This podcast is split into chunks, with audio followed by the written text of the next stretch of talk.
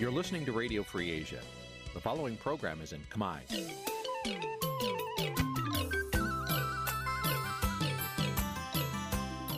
នេះជាកម្មវិធីផ្សាយ Vuthu Azizi Serai នេះជាកម្មវិធីផ្សាយរបស់ Vuthu Azizi Serai ជាភាសាខ្មែរ Vuthu Azizi Serai សូមស្វាគមន៍លោកអ្នកនាងទាំងអស់ពីរដ្ឋធានី Washington នៃសហរដ្ឋអាមេរិក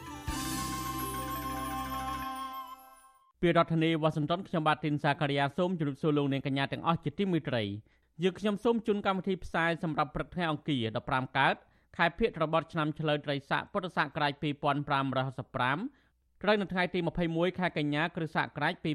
2021បាទជាដំណនេះសូមអញ្ជើញលោកអ្នកកញ្ញាស្ដាប់ព័ត៌មានប្រចាំថ្ងៃដែលមានមេត្តាដូចតទៅ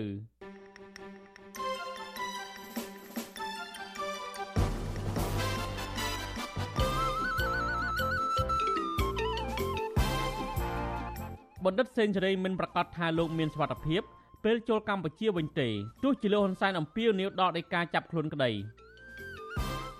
អាញាធរក្រុងប៉ោយប៉ែតជំនះបរិវត្តរងគ្រោះទឹកជំនន់ជាច្រើនគ្រួសារទៅទីទួលមានសុវត្ថិភាពអ្នកជំងឺ Covid-19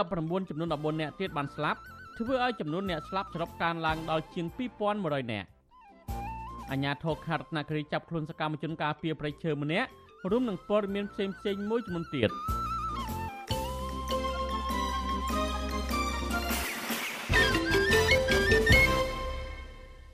បាទលោកនាងជាទីមេត្រីជាបន្តទៅនេះខ្ញុំបាទសូមជូនព័ត៌មានពិស្ដា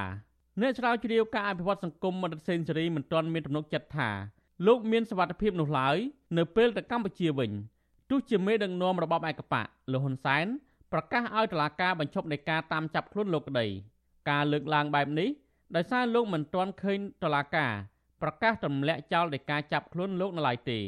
បាទពីរដ្ឋធានីវ៉ាស៊ីនតោនលោកមានរដ្ឋរាយការណ៍ព័ត៌មាននេះ បណ្ឌិតសេងសេរីដែលបច្ចុប្បន្នកំពុងរស់នៅនឹងកិច្ចខ្លួនក្នុងប្រទេសថៃសាទរដោយប្រយ័ត្នប្រយែងចំពោះការផ្លាស់ប្តូរជំហររបស់លោកនាយករដ្ឋមន្ត្រីហ៊ុនសែនទៅលើការវិភាគបែបសេណារីយ៉ូរបស់លោកបណ្ឌិតសេងសេរីថ្លែងប្រាប់វិសុវអាស៊ីសេរីនៅរសៀលថ្ងៃទី20ខែកញ្ញាថា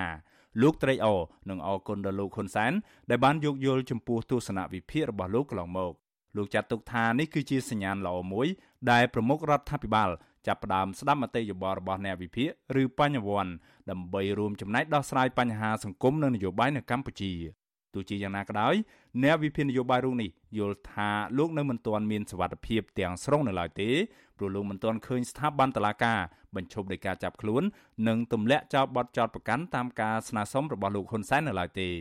ដោយខ្ញុំបានលើកអញ្ចឹងថាបើសិនជាខ្ញុំអត់ទាន់ឃើញតុលាការប្រកាសទម្លាក់ករណីខ្ញុំទេខ្ញុំខ្ញុំក៏វាពិបាកចិត្តពិបាកនៅក្នុងការសម្រេចចិត្តថាតើខ្ញុំគួរត្រឡប់ទៅកម្ពុជាវិញដែរឬទេណាបាទព្រោះវាតកតងទៅនឹងសុវត្ថិភាពរបស់ខ្ញុំដែរក៏ប៉ុន្តែទោះបីយ៉ាងណាក៏ដោយខ្ញុំសង្ឃឹមថាខ្ញុំនឹងទទួលបានការទម្លាក់ចោលបទចោទរបស់ខ្ញុំ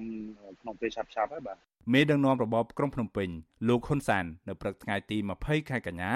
បានប្រកាសនៅលើទំព័រ Facebook របស់លោក ផ្លាស់ប្តូរចិត្តរបស់លោកវិញដោយស្នើដល់ស្ថាប័នតុលាការឲ្យពិនិត្យពិចារណាបញ្ឈប់ដោយការចាប់ខ្លួនបណ្ឌិតសេងសេរីលោកហ៊ុនសែនបញ្ជាក់ថាការបកស្រាយពន្យល់របស់បណ្ឌិតសេងសេរីនៅលើបណ្ដាញសារព័ត៌មានកន្លងមកគឺសមហេតុផលនិងអាចទទួលយកបាន ថាគឺជាការវិភាគបែបសេណារីយ៉ូមិនមែនជាការគ្រប់គ្រងគំនិតភ្លួចផ្ដើមបង្កើតរដ្ឋាភិបាលបង្រួបបង្រួមជាតិដែលប្រកាសដោយលោកសំរងស៊ីនោះទេទន្ទឹមគ្នានេះលោកហ៊ុនសានក៏លើកទឹកចិត្តឲ្យបណ្ឌិតសេងសេរី បន្តកិច្ចការស្រាវជ្រាវនិងវិភាគបញ្ហាសង្គមបន្តទៀតដើម្បីជាប្រយោជន៍ដល់ការសិក្សាស្រាវជ្រាវផ្នែកវិទ្យាសាស្ត្រសង្គមមេដឹកនាំរបបឯកបៈរុងនេះក៏បានអំពាវនាវដល់ភរិយា កូននិងឪពុកម្ដាយរបស់បណ្ឌិតសេងសេរីកុំឲ្យមានការព្រួយបារម្ភជុំវិញបញ្ហានេះតទៅទៀតការស្នើឲ្យតុលាការបញ្ឈប់ការចាប់ខ្លួនអ្នកវិភាគនយោបាយរុងនេះធ្វើឡើងរយៈពេល4ថ្ងៃក្រោយពីលោកហ៊ុនសែន បានប្រតិកម្មខ្លាំងៗនិងប្រកាសតាមចាប់ខ្លួនបណ្ឌិតសេងសេរីពាក់ព័ន្ធទៅនឹងការបង្ហោះទស្សនវិភាគនៅលើបណ្ដាញសង្គម Facebook អំពីលក្ខខណ្ឌ6ចំណុចដែលអាចបង្កើតរដ្ឋាភិបាលបង្រួបបង្រួមជាតិតាមការអំពាវនាវរបស់លោកសំរងស៊ីបើតាមបណ្ឌិតសេងសេរីលក្ខខណ្ឌទាំង6ចំណុចនោះរួមមានកម្លាំងអ្នកគ្រប់គ្រងគណៈបពប្រឆាំងកម្លាំងមហាជនកម្លាំងយុវជនកម្លាំងផ្ទៃក្នុងគណៈបកកណ្ដាលអំណាចកម្លាំងប្រដាប់អាវុធនិងកម្លាំងអន្តរជាតិ ដែលលោកថាអាចធ្វើឲ្យនយោបាយនៅកម្ពុជាប្រែប្រួលបានលោកហ៊ុនសានថែមទាំងប្រមានបណ្ឌិតសេងសេរីថាអាចប្រឈមទៅនឹងការបាញ់សម្លាប់ចោលទៀតផងប៉ះសិនបើលោកគ្រប់គ្រងនៅអ្វីមួយដែលលោកហ៊ុនសានហៅថាជាចលនាឧទាមហើយបានជំរុញឲ្យបណ្ឌិតសេងសេរីលុបចោលទស្សនវិភាគនោះចេញពីទំព័រ Facebook របស់លោកបើមិនចង់ប្រឈមទៅនឹងការចាប់ខ្លួនក៏ប៉ុន្តែបណ្ឌិតសេងសេរីនៅតែរក្សាជំហររបស់លោកដដែល ជុំវិញការបន្ទន់អេរយាប័តរបស់លោកហ៊ុនសែននេះវិសុវស៊ីស្រីមិនទាន់អាចតាក់ទងសុំការឆ្លើយតបពីអ្នកនាំពាក្យក្រសួងយុតិធម៌លោកចិនម៉ាលីននិងអ្នកនាំពាក្យអាយកាអមសាលាដំបូងរាជធានីភ្នំពេញលោកប្លង់សុផលបាននៅឡើយទេ ដោយទូរស័ព្ទហៅចូលតែពុំមានអ្នកទទួលបណ្ឌិតសេងសេរីចាត់ទុកថាជាសំណាងល្អដែលក្នុងថ្ងៃលោកហ៊ុនសែនប្រកាសតាមចាប់ខ្លួននោះលោកកំពុងស្ថិតនៅក្នុងប្រទេសថៃបើពុំនោះទេលោកប្រកាសជាមិនអាចរួចខ្លួន ហើយគ្មានឱកាសបកស្រាយឲ្យលោកនាយករដ្ឋមន្ត្រីហ៊ុនសែនឈប់ភ័ន្តច្រឡំទៅលើការវិភាគរបស់លោកនោះទេ ហើយខ្ញុំសង្ឃឹមថាទៅមុខទៀតហ្នឹងប្រមុខរដ្ឋាភិបាលនឹងមានការពិចារណាល្អិតល្អន់ទៅលើសំណេរតាមបណ្ដាញសង្គមហើយជាពិសេសហ្នឹងគឺអ្នកដែលមាននិន្នាការផ្ទុយក្តីអ្នកដែលសរសេរសំណេរដោយមិនមានការយល់ដឹងគ្រប់ជ្រុងជ្រោយក្តីហ្នឹងខ្ញុំគិតថាសូមឲ្យរដ្ឋាភិបាលហ្នឹងផ្ដល់ការយោគយល់ឲ្យបានខ្ពស់ចំពោះទស្សនៈដែលមានមានជាលក្ខណៈផ្ទុយឬក៏ទស្សនៈនយោបាយដែលពលរដ្ឋចង់បានខ្ញុំគិតថានៅពេលដែលចង់ឲ្យការយោគយល់នេះមិនមែនធ្វើតែសម្រាប់ខ្ញុំទេគឺចង់ឲ្យការយោគយល់នេះគឺសម្រាប់សកម្មជននយោបាយធ្វើសម្រាប់អង្គការសង្គមស៊ីវិលក៏ដូចជាអ្នកវិភាគផ្សេងទៀតណាបាទមន្ត្រីសង្គមស៊ីវិលស្វាគមន៍ចំពោះការបញ្ឈប់ដោយការចាប់ខ្លួនបណ្ឌិតសេងសេរីនិងទទូចឲ្យរដ្ឋាភិបាលបើកចិត្តឲ្យទូលាយទទួលយកមតិយោបល់ចម្រុះរបស់ប្រជាពលរដ្ឋទូទៅទាំងអ្នកវិភាគនិងបញ្ញវន្តជាដើមនាយិកាមជ្ឈមណ្ឌលសិទ្ធិមនុស្សកម្ពុជា អ្នកស្រីចော့សុភាពថ្លែងថាប្រជាពលរដ្ឋគ្រប់រូប មានសិទ្ធិសេរីភាពបញ្ចេញមតិដោយគ្មានការភ័យខ្លាចឬប្រឈមនឹងការដាក់ទោសទណ្ឌតាមផ្លូវតុលាការនោះទេហើយថារដ្ឋាភិបាល មានកាតព្វកិច្ចលើកស្ទួយនិងធានាបរិយាកាសអំណោយផលព្រមទាំងស្ដាប់នៅមតិយោបល់ពីគ្រប់ភាគីដើម្បីធ្វើឲ្យប្រសើរឡើងនៅអភិបាលកិច្ចរបស់ខ្លួនអ្នកស្រីបន្តថាករណីគម្រាមកំហែងនិងតាមចាប់ខ្លួនបណ្ឌិតសេងសេរីនេះមិនគួរកើតមានឡើងតាំងពីដំបូងមកម្ល៉េះ អ្នកស្រីយល់ថាដើម្បីឲ្យបណ្ឌិតសេងសេរី និងពលរដ្ឋទូទៅ មានទំនុកចិត្តឬមានភាពកក់ក្ដៅនោះរដ្ឋាភិបាលត្រូវស្ដារស្ថានភាពសិទ្ធិមនុស្សនិងប្រជាធិបតេយ្យឲ្យបានល្អប្រសើរឡើងវិញ និងធានាឲ្យបាន នៅប្រព័ន្ធតុលាការមួយដែលឯករាជ្យ សំខាន់បំផុតគឺការធានានៅបរិយាកាសអំណោយផលជាលក្ខណៈប្រព័ន្ធមិនមែនតែចោះចោះនឹងជាប្រព័ន្ធគឺត្រូវធានាថាពលរដ្ឋមានសិទ្ធិសេរីភាពពេញលេញក្នុងការបញ្ចេញមតិហើយมันគួរមានការចោទប្រកាន់ឬក៏ចាប់ខ្លួនដោយគ្រាន់តែពលរដ្ឋបញ្ចេញមតិនោះទេចាអញ្ចឹងខ្ញុំគិតថាទៀមទានៅការស្ដារនៅស្ថានភាពមួយដែលពលរដ្ឋមើលឃើញថាសកម្មជនក្តីឬក៏ពលរដ្ឋក្តីនឹងមិនត្រូវបានគេចាប់ខ្លួនឬក៏ចោទប្រកាន់ដោយសារតែការចូលរួមនៅក្នុងសង្គមនោះទេហើយជាពិសេសដោយសារតែខ្លួនបញ្ចេញនៅមតិយោបល់ចំពោះការផ្លាស់ប្តូរចិត្តរបស់លោកហ៊ុនសែននេះដែរប្រជាពលរដ្ឋមួយចំនួនបង្ហាញសារគាំទ្រនិងមួយចំនួនទៀតនៅមិនទាន់ជឿជាក់នៅឡើយទេដោយពួកគេយល់ថាលោកហ៊ុនសែនកំពុងប្រើគុណធម៌ខ្លាំងខ្លាយមូលហេតុដែលពលរដ្ឋមួយចំនួននៅមិនទាន់ជឿជាក់បែបនេះព្រោះកន្លងទៅលោកហ៊ុនសែន តែងលេបពាក្យសម្ដីរបស់ខ្លួនទៅវិញដោយករណីលោកមិនគោរពតាមការសន្យានៅក្នុងការបញ្ឈប់ការចាប់ចងឬការធ្វើទុកបុកម្នេញលើសកម្មជនគណៈបកសង្គ្រោះជាតិជាដើមខ្ញុំបានមេរិត Visual C ស្រីរាយការណ៍ពីរដ្ឋធានី Washington បានលោកនេះទីមួយត្រីនៅយប់ថ្ងៃអង្គារទី21កញ្ញានេះលោកសំរងស៊ីប្រធានស្ដីទីគណៈបកសង្គ្រោះជាតិនឹងមកចូលរួមក្នុងវេទិកាអ្នកស្ដាប់អាស៊ីសេរីដែលនឹងនិយាយអំពីបេសកកម្មរបស់លោកនៅសហរដ្ឋអាមេរិកនៅប្រទេសកាណាដានិងការជួបមន្ត្រីការទូតនានារបស់សហរដ្ឋអាមេរិកក្រៅពីលោកសំរងស៊ីនឹងជជែកអំពីបញ្ហានេះលោកសំរងស៊ីនឹងឆ្លើយតបទៅលោកហ៊ុនសែននឹងការចោទប្រកាន់ទាំងឡាយមកលើលោក បាទសូមលោកនាងរងចាំស្ដាប់នីតិវិទ្យាអ្នកស្ដាប់អាស៊ីសេរីនៅយប់ថ្ងៃអង្គារទី21កញ្ញានេះចាប់ពីម៉ោង7កន្លះដល់ម៉ោង8កន្លះយប់បើលោកនាងមានសំណួរឬក៏ចង់បញ្ចេញមតិយោបល់ សូមលោកនាងដាក់លេខទូរស័ព្ទនៅក្នុងខ្ទង់ comment ដែលយើងកំពុងតែផ្សាយផ្ទាល់តាមបណ្ដាញសង្គម Facebook និង YouTube យើងខ្ញុំនឹងតាក់ទងទៅលោកនាងវិញហើយកម្មវិធីនេះសម្រាប់សម្រួលដោយលោកជុនច័ន្ទបតបាទលោកនាងជាទីមេត្រីតុលាការខេត្តកណ្ដាលសម្រេចដោះលែងបរិបទ9នាក់ដែលមានចំនួនដីធ្លីជាមួយក្រុមហ៊ុន OCIC ឲ្យនៅក្រៅខុំបណ្ដោះអាសន្នកាលពីល្ងាចថ្ងៃទី20កញ្ញាដោយគ្មានការបញ្ជាក់សម្អាងហេតុផលច្បាស់លាស់នោះឡើយ នាយរដ្ឋមន្ត្រីបន្ទុកផ្នែកខ្លំមើលសិទ្ធិមនុស្សនៃអង្គការលីកាដូលោកអំសំអាតដែលតាមដានករណីនេះមានប្រសាសន៍ថាការដោះលែងនេះទំនងជាកើតចេញពីលិខិតសុំទោសរបស់ក្រុមគ្រួសារអ្នកជាប់ឃុំទាំងនោះដែលផ្ញើជូនអភិបាលខេត្តកណ្ដាលលោកកុងសុភ័ណ្ឌកាលពីថ្ងៃទី18កញ្ញាដោយពួកគាត់សន្យាថាឈប់ធ្វើអំពើមិនគប្បីដាក់កម្លាំងសមត្ថកិច្ចតទៅទៀតនិងចូលរួមចំណែកអភិវឌ្ឍប្រទេសជាតិវិទ្យុអសិរ័យមិនអាចសុំការបំភ្លឺពីរឿងនេះពីអ្នកនាំពាក្យសាលាដំបងខេត្តកណ្ដាលលោកសូសារិន និងអភិបាលខេត្តកណ្ដាលលោកកុងសុភ័ណ្ឌព្រមទាំងក្រុមគ្រួសារបរដ្ឋទាំងនោះបានទេ កាលពីថ្ងៃទី20កញ្ញាកាលពីថ្ងៃទី14កញ្ញាចៅក្រមសាលាដំបងខេត្តកណ្ដាលលោកវ៉ាន់សុបញ្ញាសម្រាប់ចោលប្រកាន់និងឃុំខ្លួនពលរដ្ឋមានចំនួនដីធ្លី9នាក់ពីបទហិង្សាដោយចេតនាមានស្ថានទម្ងន់ទោសបទញុះញង់ឲ្យប្រព្រឹត្តបទអក្រិតជាអាតនិងបទប្រឆាំងនឹងអ្នករាជការសាធារណៈមានស្ថានទម្ងន់ទោសដោយចោទថាបានប្រើហិង្សាលើនគរបាល13នាក់ឲ្យមានរបួសស្នាមការចោទនោះ គឺយោងទៅហេតុការណ៍ក្នុងពេលតវ៉ាដីធ្លីនៅពលានយន្តហោះថ្មីនៅភូមិកំពង់តឡុងឃុំបឹងខ្យាងស្រុកកណ្ដាលស្ទឹង កាលពីថ្ងៃទី12កញ្ញាដែលមានការប៉ះទង្គិចគ្នានៅពេលសមត្ថកិច្ចបង្ក្រាបបរតតវ៉ាបានលោកនាយកទីមេត្រីនៅឯក្រុងប៉ោយប៉ែតនៅវិញអាជ្ញាធរក្រុងប៉ោយប៉ែតខេត្តបន្ទាយមានជ័យបានជំលះប្រជាពលរដ្ឋច្រើនគ្រួសារទៅទីទួលមានសុវត្ថិភាពហើយនៅព្រឹកថ្ងៃទី20កញ្ញាការជំលះនេះ ក្រោយពេលចំនួនទឹកភ្លៀងលិចតំបន់ព្រំដែនក្រុងប៉ោយប៉ែតស្ថានភាពបែបនេះធ្វើឲ្យពលរដ្ឋមួយចំនួនព្រួយបារម្ភពីសុវត្ថិភាពនិងអំពាវនាវដល់អាជ្ញាធរខេត្តផ្ដល់ស្បៀងអាហារជូនពួកគាត់ជាបន្ទាន់បាទលោកជីវិតារីកាព័រមាននេះចំនួនទឹកភ្លៀងនិងទឹកហូរធ្លាក់ពីប្រទេសថៃបណ្ដាលឲ្យទឹកអូរព្រំដែនកម្ពុជានិងថៃនៅក្រុងប៉ោយប៉ែតបានហក់ឡើងលេចផ្លូវថ្នល់និងផ្ទះសម្បែងរបស់ប្រជាពលរដ្ឋរាប់ពាន់ខ្នង ចៅសង្កាត់ផ្សារកណ្ដាលក្រុងប៉ោយប៉ែតលោកស្រិលអិនប្រាប់អាស៊ីសេរីថាពេលនេះទឹកចំនួនលិចចូលគ្រប់សង្កាត់ក្នុងក្រុងប៉ោយប៉ែតហើយគិតត្រឹមព្រឹកថ្ងៃទី20កញ្ញាលោកបន្តថាក្នុងនោះសង្កាត់ប៉ោយប៉ែតនិងសង្កាត់ផ្សារកណ្ដាលធ្ងន់ធ្ងរជាងគេ ដោយទឹកលិចរោងចក្រមួយកន្លែងលេខផ្លូវជាតិលេខ5ប្រវែងជាង1គីឡូម៉ែត្រលេខសាលារៀនវត្តអារាម ចំណតឡានក្រុងប៉ោយប៉ែតទីបញ្ជាការប៉ូលីសការពារព្រំដែនមួយកន្លែង និងលេខផ្ទះប្រជាពលរដ្ឋរាប់ពាន់ខ្នងទៀត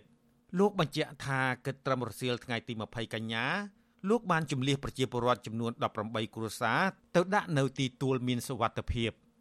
ឥឡូវនេះវាលិចគ្រប់កន្លែងទាំងអស់មិនដឹងទៅជួយតាណាទុកតាណា ព្រោះភ្លៀងអត់ទាន់រៀងសោះនេះទឹកភ្លៀងពីលើនឹងទឹកតម្រង់មកពីប្រទេសថៃព្រោះទឹកវាពេញអូពេញបន្លាយអស់ហើយដល់មេឃពីរថ្ងៃនេះមកតាំងពីម៉ោង4ភ្លឺដល់ម៉ោងនេះអត់ទាន់រៀងផងនេះខ្ញុំកំពុងដើរមើលអាផ្លូវទឹកវាធ្ងន់ធ្ងរពងអាកាយរស់អាកន្លែងផ្លូវកាយរំដោះទឹកម៉ៃខូអាបាល់ក្រុង2គ្រឿង3គ្រឿងនេះដល់កាយអាកន្លែងធំធំដល់អូ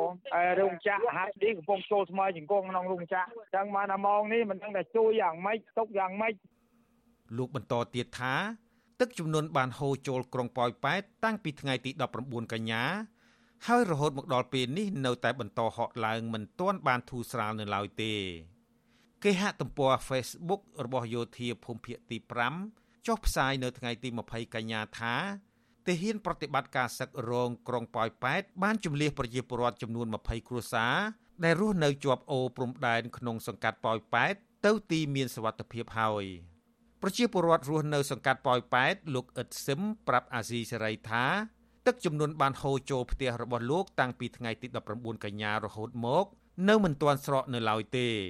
ពលរដ្ឋរូបនេះព្រួយបារម្ភខ្លាចគ្មានស្បៀងអាហារអំឡុងពេលនេះព្រោះចាប់តាំងពីទឹកលេខផ្ទះមក គ្រួសាររបស់លោកមិនអាចដើររើសអេចាយនិងប្រកបមុខរបរអ្វីបានឡើយលោកថារហូតមកដល់ពេលនេះអាញាធរមិនទាន់ផ្ដល់ស្បៀងអាហារនិងមកសួរសុខទុក្ខ ពួកលោកនៅឡើយទេគួយមើលមុខគ្នានឹងដូចថាឥឡូវនឹងតណាតណាកើតបោទៅងាកទឹកទៅនេះទឹកនឹងដើរតណាកើតមានតែអង្គុយមុខអាដេញចិនដើលើនៅផ្ទះនឹងមើលមុខគ្នាទៅវិញទៅមកខ្ញុំសូមសំណូមពរឲ្យអស់លោកបងប្រុសបងស្រីដែលមានសមត្ថកិច្ចទាំងអស់ជួយចុះមើលប្រជាជនដែលពងរងគ្រោះទាំងផងជុំវិញរឿងនេះ ប្រធានសមាគមពង្រឹងសេដ្ឋកិច្ចក្រៅប្រព័ន្ធកម្ពុជា លោកដិនពុធី មានប្រសាសន៍ថា ទឹកជំនន់លើកនេះមានសន្ទុះខ្លាំងជាងពេលមុនមុននិងបានប៉ះពាល់ដល់ជីវភាពរស់នៅរបស់ប្រជាពលរដ្ឋនៅក្រុងប៉ោយប៉ែតជាពិសេសកម្មករសំណង់អ្នកដើររើសអេចាយនិងអ្នករត់ម៉ូតូឌុបធ្វើឲ្យពួកគាត់បាត់បង់ប្រាក់ចំណូលទាំងស្រុងលោកយល់ថាក្នុងស្ថានភាពបែបនេះអាជ្ញាធរពាក់ព័ន្ធគួរតែចុះផ្ដល់ស្បៀងអាហារជូនដល់ពួកគាត់ជាបន្ទាន់ ព្រោះពួកគាត់រងគ្រោះផ្ទួនផ្ទួនគ្នាស្នើឲ្យអាជ្ញាធរក៏ដូចជារដ្ឋាភិបាលមេត្តាផ្ដល់ជំនួយសង្គ្រោះបន្ទាន់ហ្នឹងអង្គការសង្គមស៊ីវិលផ្សេងផ្សេងមានជំនួយសូមមេត្តាជួយដល់ប្រជាពលរដ្ឋនៅក្នុងក្រុងប៉ោយប៉ែតផងព្រោះដោយសារតែហានិភ័យនៃគ្រោះអត់ឃ្លានហ្នឹងវាមានកម្រិតខ្ពស់ដោយសារតែទី1បាត់ច្រកទី2 COVID-19 ទី3ទឹកចំនួនទៀតហ្នឹងគឺទុកចន់លើទុកណាស្របពេលគ្នានេះដែរ រដ្ឋបាលស្រុកមង្គលបុរីខេត្តបន្ទាយមានជ័យបានចេញសេចក្តីប្រកាសឲ្យប្រជាពលរដ្ឋនៅជាប់ដងស្ទឹងមង្គលបុរីត្រៀមស្បៀងអាហារថ្នាំពេទ្យនិងទុកដាក់សម្ភារៈមានតម្លៃនៅកន្លែងសុវត្ថិភាពរដ្ឋបាលស្រុកមង្គលបុរីបន្តថាអាជ្ញាធរនឹងកាត់ផ្តាច់ចរន្តអគិសនីនៅពេលមានទឹកជំនន់សេចក្តីប្រកាសដដែលបញ្ជាក់ថាពេលនេះស្ទឹងមង្គលបុរីបានហក់ឡើងខ្លាំងដែលអាចនឹងកើតមានទឹកជំនន់អំឡុងពេលនេះ។ ខ្ញុំជីវិតាអាស៊ីសេរីបាទលោកនាងទីមេត្រីតកតងនឹងជនជាតិដើមភាគតិចវិញជនជាតិដើមភាគតិចចំពួនម្នាក់ដែលជាសកម្មជនការពារប្រៃឈើគឺលោកឆនផល្លាត្រូវបានអាជ្ញាធរខេត្តរតនគិរីចាប់ខ្លួនកាលពីថ្ងៃទី20កញ្ញាដោយគ្មានដីកាពីតុលាការឡើយមន្ត្រីសង្គមស៊ីវិលហៅការចាប់ខ្លួននេះជាទង្វើខុសច្បាប់និងគំរាមកំហែងបំផាក់ស្មារតីពលរដ្ឋដែលលះបង់ក្នុងបបផហេតុការពារធនធានធម្មជាតិ បាទសូមលោកនាងស្ដាប់សេចក្តីរាយការណ៍របស់លោកមានរិទ្ធមួយទៀតអំពីរឿងនេះភរិយាលោកឆនផល្លាជាជនជាតិដើមភាគតិចទំពួនគឺលោកស្រីហាំស្លុងប្រាវិសុយស៊ីស្រីថាប្រជាការពីភូមិពីរនាក់បានមកដល់ផ្ទះលោកស្រីហើយបានអញ្ជើញប្តីលោកស្រីទៅប៉ុស្តិ៍នគរបាលឃុំសេដាដើម្បីសាកសួររឿងចោះឈ្មោះបោះឆ្នោតក៏ប៉ុន្តែនគរបាលជាច្រើនអ្នកបានឆ្មក់ចាប់ខ្លួនលោកឆនផល្លារុញចូលឡានយ៉ាងបញ្ញាបញ្ញាល់នៅវេលាម៉ោង10ព្រឹកនៅថ្ងៃទី20ខែកញ្ញា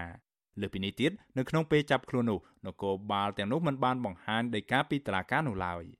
លោកស្រីមិនទាន់បានដឹងថាតើអាជ្ញាធរចាប់ខ្លួនប្តីលោកស្រីពីបទល្មើសអ្វីនោះទេព្រោះសមត្ថកិច្ចបានព្យាយាមលាក់បាំងរឿងនេះលោកស្រីបញ្ជាក់ថានៅរសៀលថ្ងៃដដែលនេះសមត្ថកិច្ចបានបញ្ជូនប្តីរបស់លោកស្រីទៅតុលាការខេត្តរតនគិរីរួចហើយដែលទុកឲ្យប្តីលោកស្រីអង្គុយនៅខាងមុខការិយាល័យតុលាការជិត4ម៉ោងនៅក្នុងស្ថានភាពដៃជាប់ខ្នោះ លោកស្រីគិតថាការចាប់ខ្លួននេះមានជាប់តាក់ទងទៅនឹងសកម្មភាពការពារព្រៃឈើនិងលាតត្រដាងអំពីបទល្មើសព្រៃឈើដែលធ្វើឲ្យអាជ្ញាធរមូលដ្ឋាននៃខេត្តនេះមិនសប្បាយចិត្ត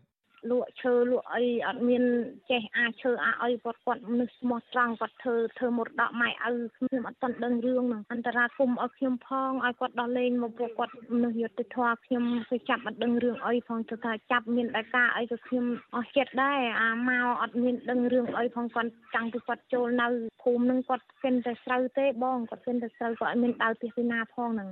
ស្នងការនគរបាលខេត្តរតនគិរីលោកយិនចំណាន បានផ្ដាច់ទូរស័ព្ទនៅពេលដឹងថាអ្នករីកាព័ត៌មានវិសុវអសីស្រីសួរនាំអំពីករណីនេះចំណែកអភិបាលស្រុកលំផាត់លោកនូថេបដិសេធបំភ្លឺរឿងនេះព្រោះលោកថាករណីនេះជាសមត្ថកិច្ចរបស់តុលាការរីឯអ្នកនាំពាក្យតុលាការខេត្តរតនគិរីលោកកៅពិសុទ្ធវិញលោកបដិសេធអធិប្បាយរឿងនេះដោយបង្វែរឲ្យវិសុវអសីស្រីទៅសួរនាំអ្នកនាំពាក្យស្ថាប័នអัยការវិញ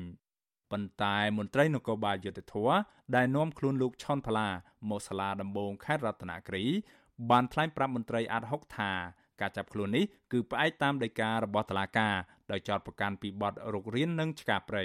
ជុំវិញរឿងនេះមន្ត្រីសម្របសម្រួលសមាគមការពារសិទ្ធិមនុស្សអាត់ហុកប្រចាំខេត្តរតនគិរីលោកឌីខានីសង្កេតឃើញថាសកម្មភាពការពារព្រៃឈើរបស់លោកឆនផល្លា បានប៉ះទង្គិចជាមួយអាជ្ញាធរមូលដ្ឋានជាច្រើនលើកច្រើនសាររហូតដល់មានការប្តឹងផ្តល់គ្នា ទៅតុលាការជាច្រើនករណី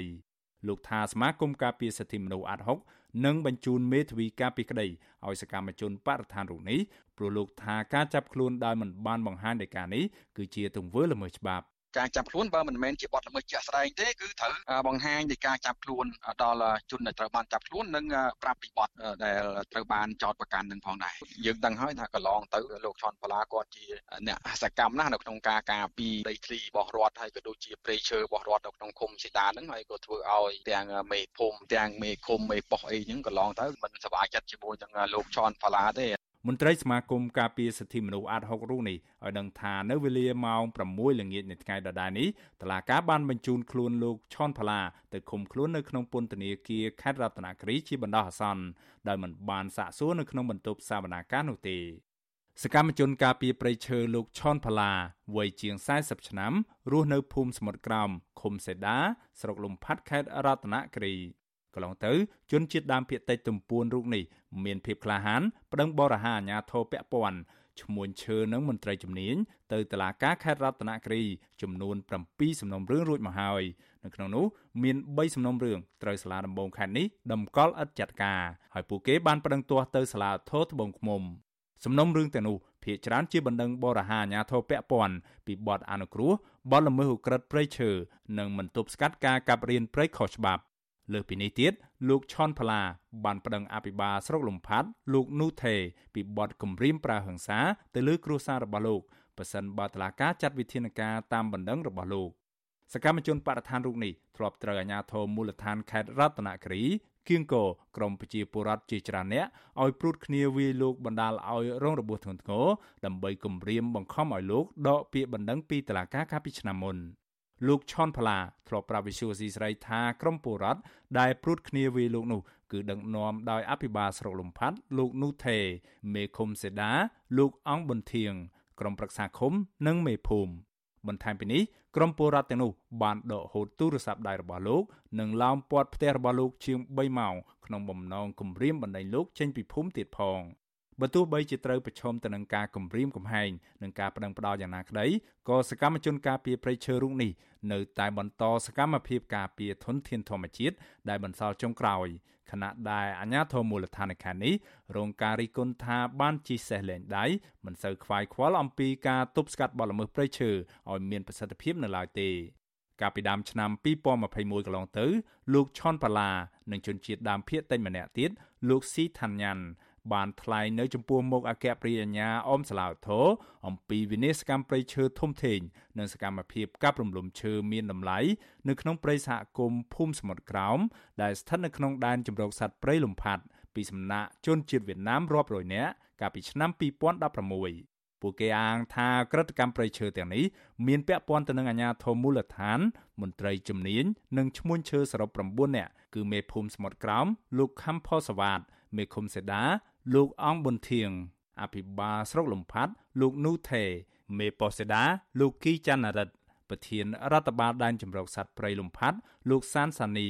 អធិការស្រុកលំផាត់លោកហេងចន្ទធីប្រធានមន្ទីរបរិស្ថាន លោកថនខេមរិន និងអាជ្ញាធរពាក់ព័ន្ធមួយចំនួនទៀតខ្ញុំបាទមេរិត Visual C ស្រីរាយការណ៍ពីរដ្ឋធានី Washington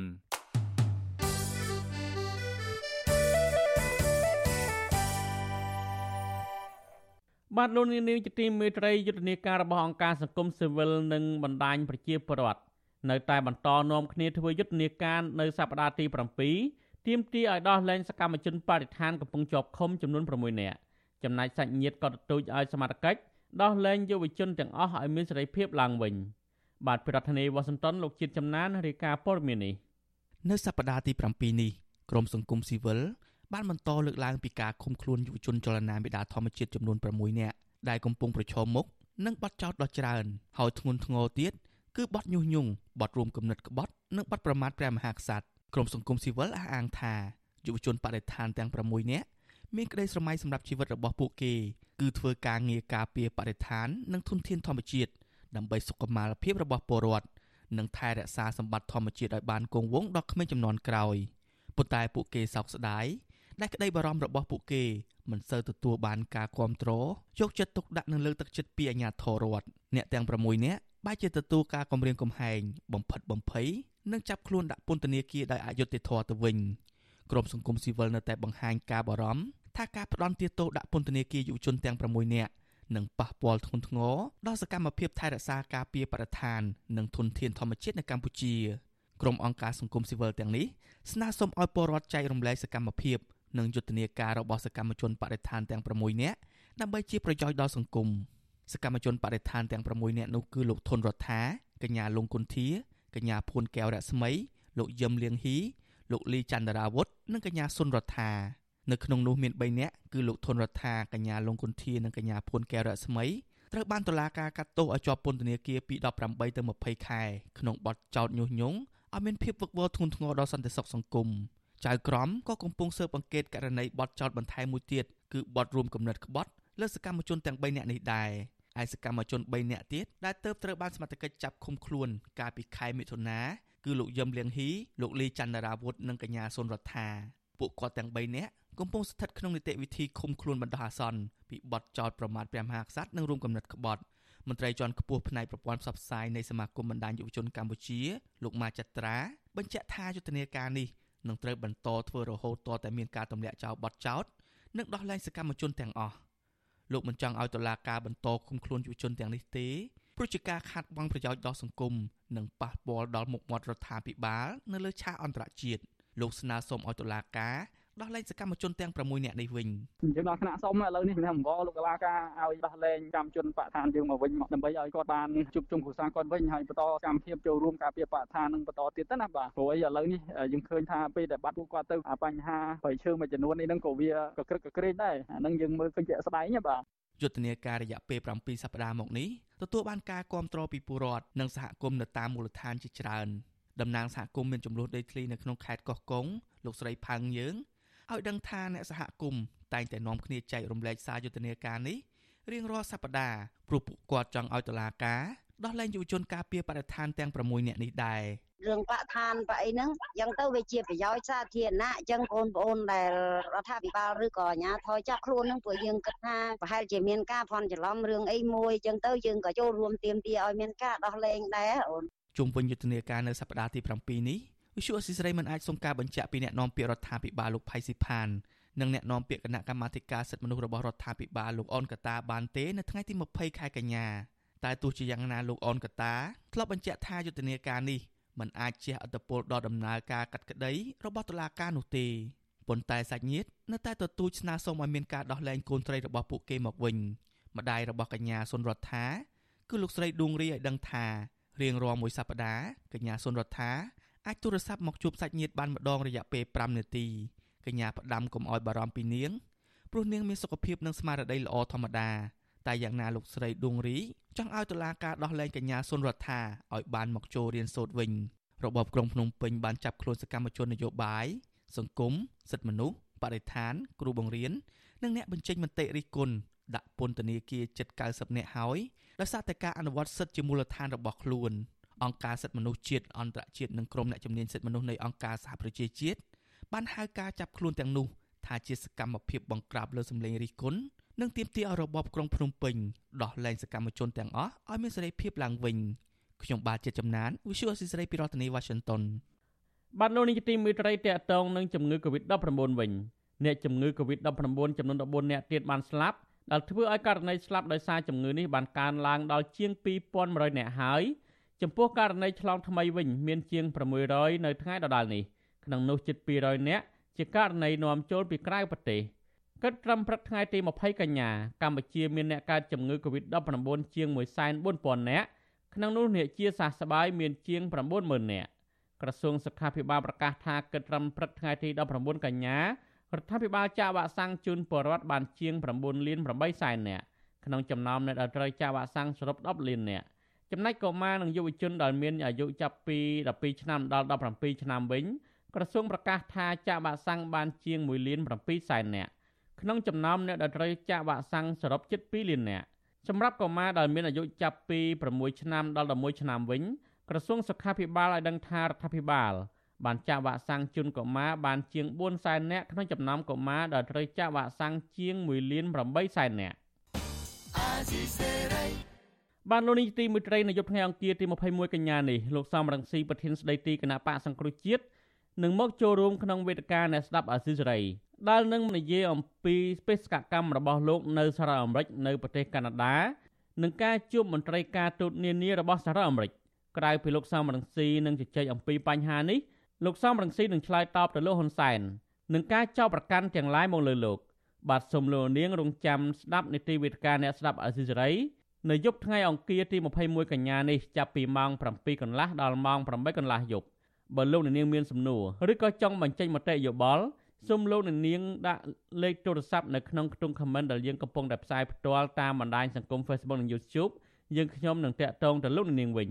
ហើយកម្មវិធីនេះសម្រាប់សម្រួលដោយលោកជុនច័ន្ទបត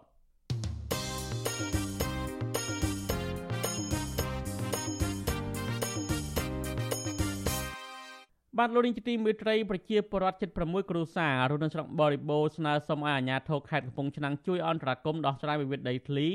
ករណីអាជ្ញាធរខេត្តពោធិ៍សាត់យកដីស្រែពួកគាត់ទៅពុះចែកឲ្យប្រជាពលរដ្ឋរស់នៅក្នុងខេត្តពោធិ៍សាត់ពួកគាត់ស្នើសុំឲ្យអាជ្ញាធររក្សាទុកដីស្រែទំហំជិត2000ហិកតាជូនប្រជាពលរដ្ឋក្នុងស្រុកបរិបូរខេត្តកំពង់ឆ្នាំងវិញ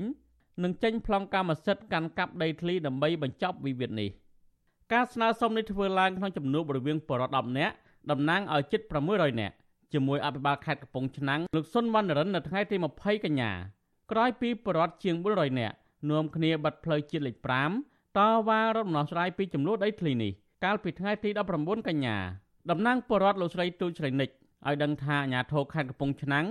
តម្រូវឲ្យប្រជាពលរដ្ឋរៀបចំញត្តិនិងរបាយការណ៍ពីការបាត់បង់ដីស្រែនេះដាក់ជូនថ្នាក់ដឹកនាំខេត្តដើម្បីពិនិត្យនិងដោះស្រាយបញ្ហានេះជាមួយអាជ្ញាធរខេត្តពោធិ៍សាត់ លោកស្រីបន្តថាប្រជាពលរដ្ឋដែលរស់នៅអាស្រ័យផលលើដីមានដំណោះនោះគឺធ្វើស្រែតគ្នាពីមួយចំនួនទៅមួយចំនួនដោយគ្មានលិខិតស្នាមនោះទេលោកស្រីបញ្ជាក់ថាអ្នកស្រុកបរិបូរព្យាយាមស្នើសុំលិខិតទទួលស្គាល់ដីស្រែជាង1500ហិកតានោះពីអាជ្ញាធរខេត្តពោធិ៍សាត់ប៉ុន្តែអាជ្ញាធរបដិសេធមិនធ្វើឲ្យដោយចោទបរដ្ឋខេត្តកំពង់ឆ្នាំងថាចូលរួមធ្វើស្រែនៅលើដីក្នុងខេត្តពោធិ៍សាត់ដោយគ្មានការអនុញ្ញាតទៅវិញ តំណាងបរិរមនេះស្នើសុំអរដ្ឋាភិបាល ជួយអន្តរាគមន៍ដោះស្រាយវិវាទដីធ្លីដោយរក្សាទុកដីស្រែឲ្យប្រជាពលរដ្ឋដើម្បីបន្តធ្វើស្រែដោះស្រាយបញ្ហាជីវភាពគ្រួសារប្រចាំថ្ងៃចាខ្ញុំចង់បានដំណោះស្រាយឲ្យសម្ដេចទាំងអស់ ជួយកូនចៅនឹងដោះស្រាយដីនឹងឲ្យបានដីនឹងត្រឡប់មកវិញដើម្បីអាស្រ័យផលបន្តទៅទៀតព្រោះនាងខ្ញុំទូទៅទាំងអស់គ្នានឹងក៏មិនចង់បានលើសអ្វីដែលដីរបស់ដែលនាងខ្ញុំធ្លាប់អាស្រ័យផលទេចង់បានតែដីរបស់ខ្ញុំមកវិញទេតែធ្លាប់អាស្រ័យផលទាំងប្រមាណនឹងមកហើយសូមឲ្យគាត់ជួយធ្វើជាឯកសារកាន់កាប់ដីនឹងបន្តទៅផងកាលណាមិនមានឯកសារស្របច្បាប់នឹងនៅតែមានបញ្ហានឹងអត់ចេះចប់ទេសំបីតែជួព្រោះក៏អត់បានដែរដោយសារយើងអត់មានឯកសារកាន់កាប់ដីស្របច្បាប់ វិទ្យុអសិរ័យមិនអាចតកតងសុំការបំភ្លឺពីរឿងនេះពីអភិបាលខេត្តកំពង់ឆ្នាំងលោកសុនវណ្ណរិនដើម្បីសួរអំពីបញ្ហានេះបានទេនៅថ្ងៃទី20កញ្ញាចំណែកឯអាជ្ញាធរខេត្តពោធិ៍សាត់ចោតប្រជាពលរដ្ឋមួយចំនួននៅខេត្តកំពង់ឆ្នាំងថាជាអ្នកបន្លំចង់ទន្ទ្រានយកដីព្រៃរបស់រដ្ឋដោយមិនបានអាស្រ័យផលជាក់ស្ដែងលើដីមានទំនាស់នោះទេអភិបាលរងខេត្តនិងជាអតីតប្រធានមន្ត្រីដែនដីខេត្តពោធិ៍សាត់លោកចេងឡាយអះអាងថាដីទាំងនោះជាដីព្រៃរបស់រដ្ឋ ហើយបរដ្ឋខ្លះបានចូលរួមកាប់ទន្ទ្រានរំលោភយកដីពីរដ្ឋលោកអះអាងថាអាជ្ញាធរខេត្តបានផ្ដាល់ដីនោះឲ្យទៅបរដ្ឋដែលកំពុងតែអាស្រ័យផលជាក់ស្ដែងរួចរាល់អស់ហើយចំណែកបរដ្ឋខ្លះទៀតមិនបានអាស្រ័យផលជាក់ស្ដែងនោះទេតែយ៉ាងណាលោកថាអាជ្ញាធរនឹងនៅតែបន្តដោះស្រាយជូនបរដ្ឋទាំងនោះដល់ សម្បត្តិសង្គមកិច្ចជូនអ្នកសាចបកនេះព្រោះប្រជាជនកំពុងឆ្នាំងចេះតែរៀនតន្ត្រៀនដីព្រៃរបស់រដ្ឋដីរដ្ឋដីតន្ត្រៀនដីតាដីព្រៃតាគឺទៅចាំបែបនេះណាមិនមែនអ្នកសាចបកខេត្តពោធិ៍សាត់ទេតោះណាគឺខាងនោះខាងកំពុងឆ្នាំងណាចេះតែរុករៀនរៀនដីព្រៃឥឡូវយកដីហ្នឹងដើម្បីចែកជូនខាងឃុំសាចបកជាង3000គ្រួសារអ្នកនាំពាក្យសមាគមស្ថិមនៅអាតហុកលោកសង្សានករណាដែលធ្លាប់ចងកេតវិវាទនេះកាលពីខែឧសភាកន្លងទៅមានប្រសាសន៍ថាអាញាធរខេត្តពោធិ៍សាត់ប្រាប់អង្គការសង្គមស៊ីវិលថា ព្រមកាត់ជ្រឿលដីជាង500ហិកតាជូនពលរដ្ឋដើម្បីបញ្ចប់បញ្ហានេះលោកបន្តថាប្រជាពលរដ្ឋនៅខេត្តកំពង់ឆ្នាំងដែលធ្លាប់អាស្រ័យផលលើដីស្រែនោះគឺមិនព្រមទទួលយកដំណោះស្រាយកាត់ជ្រឿលបែបនេះព្រោះធ្វើឲ្យប្រជាពលរដ្ឋបាត់បង់ដីស្រែជាងពាក់កណ្ដាលហើយពលរដ្ឋខ្លះទៀតឯកនឹងគ្មានសល់ដីធ្វើស្រែតែម្ដងលោកយល់ថាអាញាធរខេត្តកំពង់ឆ្នាំងនិងខេត្តពោធិ៍សាត់គួរតែពិភាក្សារិះរកដំណោះស្រាយឲ្យបានសមរម្យជូនពលរដ្ឋ ដើម្បីកុំឲ្យមានរឿងតវ៉ាបែបនេះតទៅទៀត។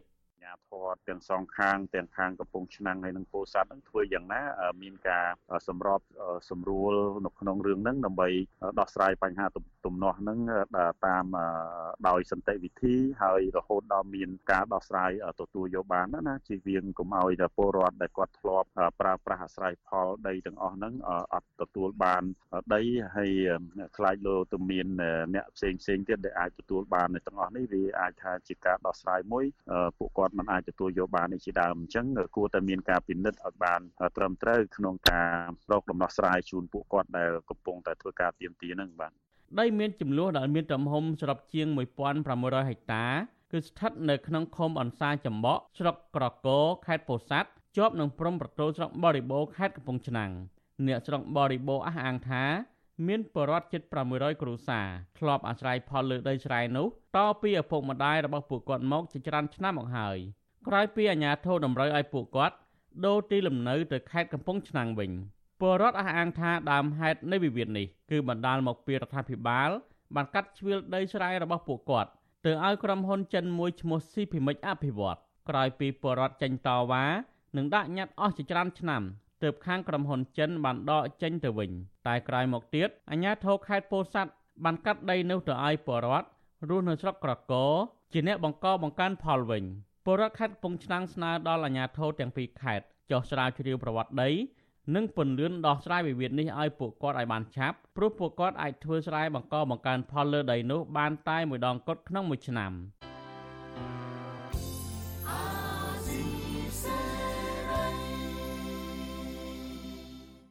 បាទលោកនាងជាទីមេត្រីក្រៅពីលោកនាងអាចស្ដាប់វិទ្យុអសិរ័យតាម Facebook និង YouTube នោះ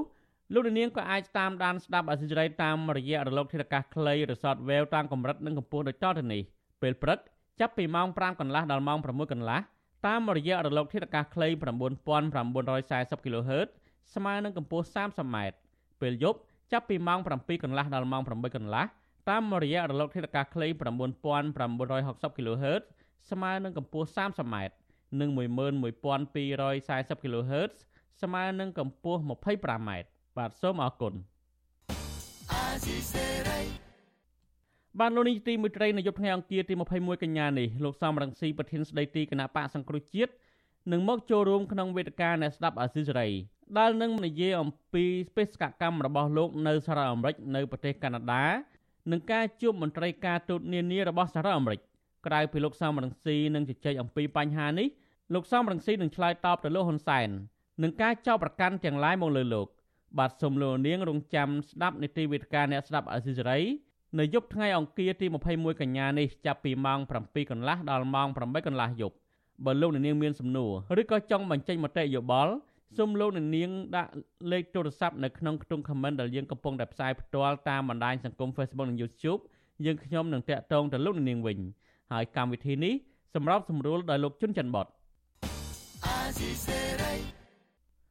បានលោកនាយកទីមេត្រីគ្រូសាពលករណីដល់ឆ្លងជំងឺ Covid-19 នៅប្រទេសម៉ាឡេស៊ីស្នើឲ្យស្ថានទូតខ្មែរជួយអន្តរាគមន៍ឬសម្រាប់សម្រួលដំណើរព្យាបាលជំងឺ Covid-19 របស់មន្ទីរពេទ្យ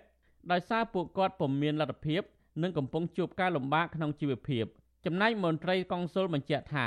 ស្ថានទូតពុំមានលទ្ធភាពឆ្លើយតបតាមសំណើរបស់ពលករនេះទេមន្ត្រីសង្គមស៊ីវិលទូតរដ្ឋាភិបាលកម្ពុជា តាមរយៈស្ថានទូតគួរតែយកបញ្ហារបស់ពលករខ្មែរទៅជជែកជាមួយរដ្ឋាភិបាលម៉ាឡេស៊ីហើយរកដំណោះស្រាយនិងឆ្លើយតបជាបន្ទាន់ជំវិញរឿងនេះបាទពីរដ្ឋធានីវ៉ាស៊ីនតោនលោកលេងម៉ាលីរាយការណ៍ព័ត៌មាននេះគ្រួសារពលរដ្ឋខ្មែរនៅប្រទេសម៉ាឡេស៊ីមួយបានឆ្លងជំងឺ Covid-19 ដែលកំពុងសង្គ្រោះបន្ទាន់នៅមន្ទីរពេទ្យរដ្ឋមួយនៅរដ្ឋយូហូប៉ុន្តែគ្មានប្រាក់បង់ថ្លៃព្យាបាលកម្មករសំណង់មានស្រុកកំណើតនៅត្បូងឃ្មុំ លោកយ៉ានណារីរៀបរាប់ប្រាប់អស៊ីសេរីនៅថ្ងៃទី20កញ្ញាថា ដំបងឡើយប្រពន្ធលោកឈ្មោះគ្រីម៉ាស់អាយុ25ឆ្នាំដែលមានផ្ទៃពោះ8ខែត្រូវបានបញ្ជូនទៅពិនិត្យនិងព្យាបាលនៅមន្ទីរពេទ្យនៅថ្ងៃទី16ខែកញ្ញាដោយសារមានអាការៈក្តៅខ្លួនលោកបន្តថាគ្រូពេទ្យធ្វើតេស្តរកឃើញថាប្រពន្ធរបស់លោកឆ្លងជំងឺ Covid-19 ហើយភ្លាមៗនោះខាងមន្ទីរពេទ្យបានអនុញ្ញាតឲ្យប្រពន្ធរបស់លោកសម្រាប់ព្យាបាល តែមន្ទីរពេទ្យតម្រូវឲ្យលោកកក់ប្រាក់ចំនួន7000រៀងហ្គីតឬស្មើប្រមាណជាង1700ដុល្លារអាមេរិកលោកយ៉ាណារីត្អូញត្អែថាលោកគ្មានប្រាក់សម្រាប់បង់ឲ្យមន្ទីរពេទ្យនោះទេព្រោះស្ថានភាពរីករាលដាលជំងឺ Covid-19 គ្រួសារលោកបាត់បង់ការងារនិងគ្មានប្រាក់ចំណូលដោយកំពុងរស់នៅ ទាំងត្រដាបត្រដួសបរិះវ័យ37ឆ្នាំរូបនេះថ្លែងថា លោកមិនដឹងទៅពឹងពាក់ស្ថាប័នខាងណា ដើម្បីដោះស្រាយបញ្ហានេះទេគណៈប្រពន្ធរបស់លោកកំពុងដាក់អុកស៊ីសែននៅក្នុងបន្ទប់សង្គ្រោះបន្ទាន់ដោយគ្រូពេទ្យបញ្ជាក់ថាអ្នកជំងឺមានសង្ឃឹមត្រឹមតែ50%ហើយប្រសិនបើអាការៈមិនថមថយគ្រូពេទ្យនឹងវះកាត់សង្គ្រោះកូនជាបន្ទាន់យើងអត់លុយទៅ ដែលពូនធ្លាក់ខ្លួនជឿនឹងអត់បានធ្វើការបានអីពិបាកប្រទេសគេមិនដូចតែយើងណាប្រទេសជនជាតិគេគេអត់គិតលុយគិតអីទេថ្លៃជីវរដ្ឋគេឈឺស្កាត់ពេកពេទ្យចូល ICU អីមិនមែនយើងជនជាតិអត់តប្រវេសគេគិតលុយជាមួយយើងវិញពលរដ្ឋខ្មែរយើងនៅម៉ាឡេនេះជួយយកចិត្តទុកដាក់ពួកគាត់ផងមកធ្វើការនេះមិនថាមានលុយមានអ្នកមានទាំងអស់នោះទេឆ្លើយតបរឿងនេះ មន្ត្រីកិច្ចការកុងស៊ុលនៃស្ថានទូតខ្មែរប្រចាំប្រទេសម៉ាឡេស៊ីដែលសុំមិនបញ្ចេញឈ្មោះប្រាប់អាស៊ីសេរីថាខខាងស្ថានទូតពុំមានលទ្ធភាពជួយអន្តរាគមន៍ទៅរដ្ឋាភិបាលម៉ាឡេស៊ីឬបង់ថ្លៃសេវាព្យាបាលជំងឺ Covid-19 តបតាមសំណើរបស់ពលករនោះទេលោកទទួលស្គាល់ថាករណីនេះតែងតែកើតលើពលករខ្មែរដែលធ្វើការនៅប្រទេសម៉ាឡេស៊ី មន្ត្រីរូបនេះមិនបានផ្ដល់ដំណោះស្រាយបែបណាទេដោយលោករុញឲ្យសួរមន្ត្រីស្ថានទូតទទួលបន្ទុកពលករវិញ។នៅម៉ាឡេពេលខ្លះហើយខាងឋានទូតក៏បានដឹងដែរតែតែខាងទីពេទ្យគេខលមកគេខលមកថាអូឥឡូវខាងនេះពលករមកព្យាបាលជំងឺអត់មានលុយកាក់ទេឲ្យឋានទូតជួយចេញណាឋានទូតមានលុយណាចេញមានរសប្បុរសជនសប្បុរសធម៌អង្គការដែរនឹងណាករណីចឹងច្រើនហើយបាទ វិទ្យុអស៊ីសេរីមិនអាចតាក់ទងแนะនាំពាក្យក្រសួងការបរទេសនិងសហប្រតិបត្តិការអន្តរជាតិលោកកុយគួងនិងមន្ត្រីទទួលបន្ទុកកិច្ចការពលករស្ថានទូតដើម្បីសុំការឆ្លើយតបបន្ថែមជុំវិញរឿងនេះបានទេ នៅថ្ងៃទី20កញ្ញាជុំវិញរឿងនេះមន្ត្រីអង្គការសង្ត្រាល់ទទួលបន្ទុកសិទ្ធិការងារលោកឌីថេហូយ៉ាមានប្រសាសន៍ថាការទប់ស្កាត់ជំងឺ Covid-19 គឺជាបញ្ហាសកលទោះបីពលករខ្មែរធ្វើការស្របច្បាប់ ឬខុសច្បាប់ក៏ដោយ ពួកគេត្រូវទទួលបានសេវាព្យាបាលជំងឺ Covid-19 ពីប្រទេសទាំងនោះដោយឥតគិតថ្លៃ និងគ្មានការរើសអើងជាតិសាសន៍លោកយល់ថាប្រសិនបើមន្ត្រីសុខាភិបាលម៉ាឡេស៊ីតម្រូវឲ្យពលករបង់ថ្លៃសេវាព្យាបាលនោះគឺជាអំពើអមនុស្សធម៌និងរំលោភសិទ្ធិមនុស្សធ្ងន់ធ្ងរដែលផ្ទុយពីគោលការណ៍អង្គការសុខភាពពិភពលោកលោកសង្កេតឃើញថា ពលករខ្មែរធ្វើការនៅក្រៅប្រទេសនេះពុំសូវទទួលបានកិច្ចអន្តរាគមន៍ពីស្ថានទូតខ្មែរនោះទេ ហើយលោកលើកទឹកចិត្តដល់ពួកគេថាត្រូវហ៊ានបង្ហាញទុកកង្វល់របស់ខ្លួននៅលើបណ្ដាញសង្គមដើម្បីជំរុញឲ្យរដ្ឋាភិបាលឆ្លើយតបបន្ទាន់អំពីបញ្ហាទាំងអស់នេះ ខ្ញុំគិតថាស្ថានទូតនឹងត្រូវដើរតួនាទីរបស់ខ្លួនឲ្យបានពេញលេញគឺពាក់ព័ន្ធនឹងការការពារផលប្រយោជន៍របស់ប្រជាពលរដ្ឋអញ្ចឹងបើសិនជាប្រជាពលរដ្ឋមានបញ្ហាកាតព្វកិច្ចរបស់រដ្ឋហើយតំណាងទូតតំណាងកងសុលនឹងហើយដែលជាអាណាព្យាបាលចេញអ្នកបម្រើសេវាកម្មអញ្ចឹងត្រូវតែធ្វើម៉េចសម្របខ្លួនឲ្យគាត់ទទួលបានការព្យាបាលឲ្យសមស្របត្រឹមត្រូវហើយវាស្មើមុខស្មើមាត់នឹងគេ ចាប់តាំងពីការរីករាលដាលជំងឺ Covid-19 កម្មករខ្មែរដែលធ្វើការនៅក្រៅប្រទេសប្រឈមនឹងបញ្ហាអស់សុពលភាពឯកសារស្របច្បាប់ ការគំរាមកំហែងផ្លូវច្បាប់ ការកេងប្រវ័ញ្ចកម្លាំងពលកម្មបាត់បង់ការងារនិងមិនបានយកចិត្តទុកដាក់ត្រឹមត្រូវផ្នែកសុខាភិបាលនោះទេ ក្នុងអំឡុងពេលអាញាធរប្រទេសម៉ាឡេស៊ីអនុវត្តវិធានការទប់ស្កាត់ជំងឺ Covid-19 អាញាធរប្រទេសម៉ាឡេស៊ីបិទគប់ប្រទេសនេះរយៈពេលជិត5ខែមកហើយ ដើម្បីទប់ស្កាត់ការរាតត្បាតជំងឺ Covid-19 មន្ត្រីស្ថានទូតខ្មែរប្រចាំប្រទេសម៉ាឡេស៊ីបញ្ជាក់ថាគិតត្រឹមខែសីហា មានពលរដ្ឋខ្មែរចំនួន6នាក់ស្លាប់ដោយសារជំងឺ Covid-19 ដែលសាច់ញាតិមកបំពេញឯកសារនៅស្ថានទូតរបាយការណ៍របស់អង្គការសង្ត្រាល់បង្ហាញថាគិតត្រឹមឆ្នាំ2020ពលករខ្មែរស្របច្បាប់និងពលករខុសច្បាប់មានចំនួនប្រមាណជាង100000នាក់កំពុងធ្វើការនៅក្នុងប្រទេសម៉ាឡេស៊ី។ ខ្ញុំបាទលេងម៉ាលីវិទ្យុអាស៊ីសេរីរាយការណ៍ពីរដ្ឋធានី Washington បាទលោកនាយកទីមេត្រីនិស្សិតខ្មែរសិក្សាជំនាញមេកានិកនិងអេឡិចត្រូនិកនៃវិទ្យាស្ថានជាតិពហុបច្ចេកទេសកម្ពុជា បានបង្កើតយន្តហោះដ្រូនដែលអាចដឹកមនុស្សបានដល់ទៅទម្ងន់60គីឡូក្រាមនៅដំណាក់កាលដំបូងដ៏ជោគជ័យពួកគេរំពឹងថាលទ្ធផលនេះនឹងធ្វើឲ្យមុខងាររបស់យន្តហោះដ្រូននេះកាន់តែទំនើបក្នុងដំណាក់កាលបន្ទាប់ ដើម្បីយកទៅប្រើប្រាស់ក្នុងវិស័យកសិកម្មពន្លត់អគ្គិភ័យនិងដឹកអ្នកដំណើរជាដើមបាទប្រធានាធិបតីវ៉ាស៊ីនតោនលោកសេកបណ្ឌិតរាយការណ៍ព័ត៌មាននេះនិស្សិតដែលកំពុងសិក្សានៅមហាវិទ្យាល័យមេកានិកនិងអេឡិចត្រូនិកនៃវិទ្យាស្ថានជាតិពហុបច្ចេកវិទ្យាកម្ពុជាហៅកាត់ថា NPIC បានស្រាវជ្រាវលើគម្រោងបង្កើតយន្តហោះដ្រូនដោយចែកជា3ដំណាក់កាលដើម្បីសម្រេចដល់គោលដៅពួកគេបានដាក់ឈ្មោះយន្តហោះដ្រូននោះថា Human Carrier Drone ដែលអាចដឹកមនុស្សនិងបញ្ជាពីលើបាន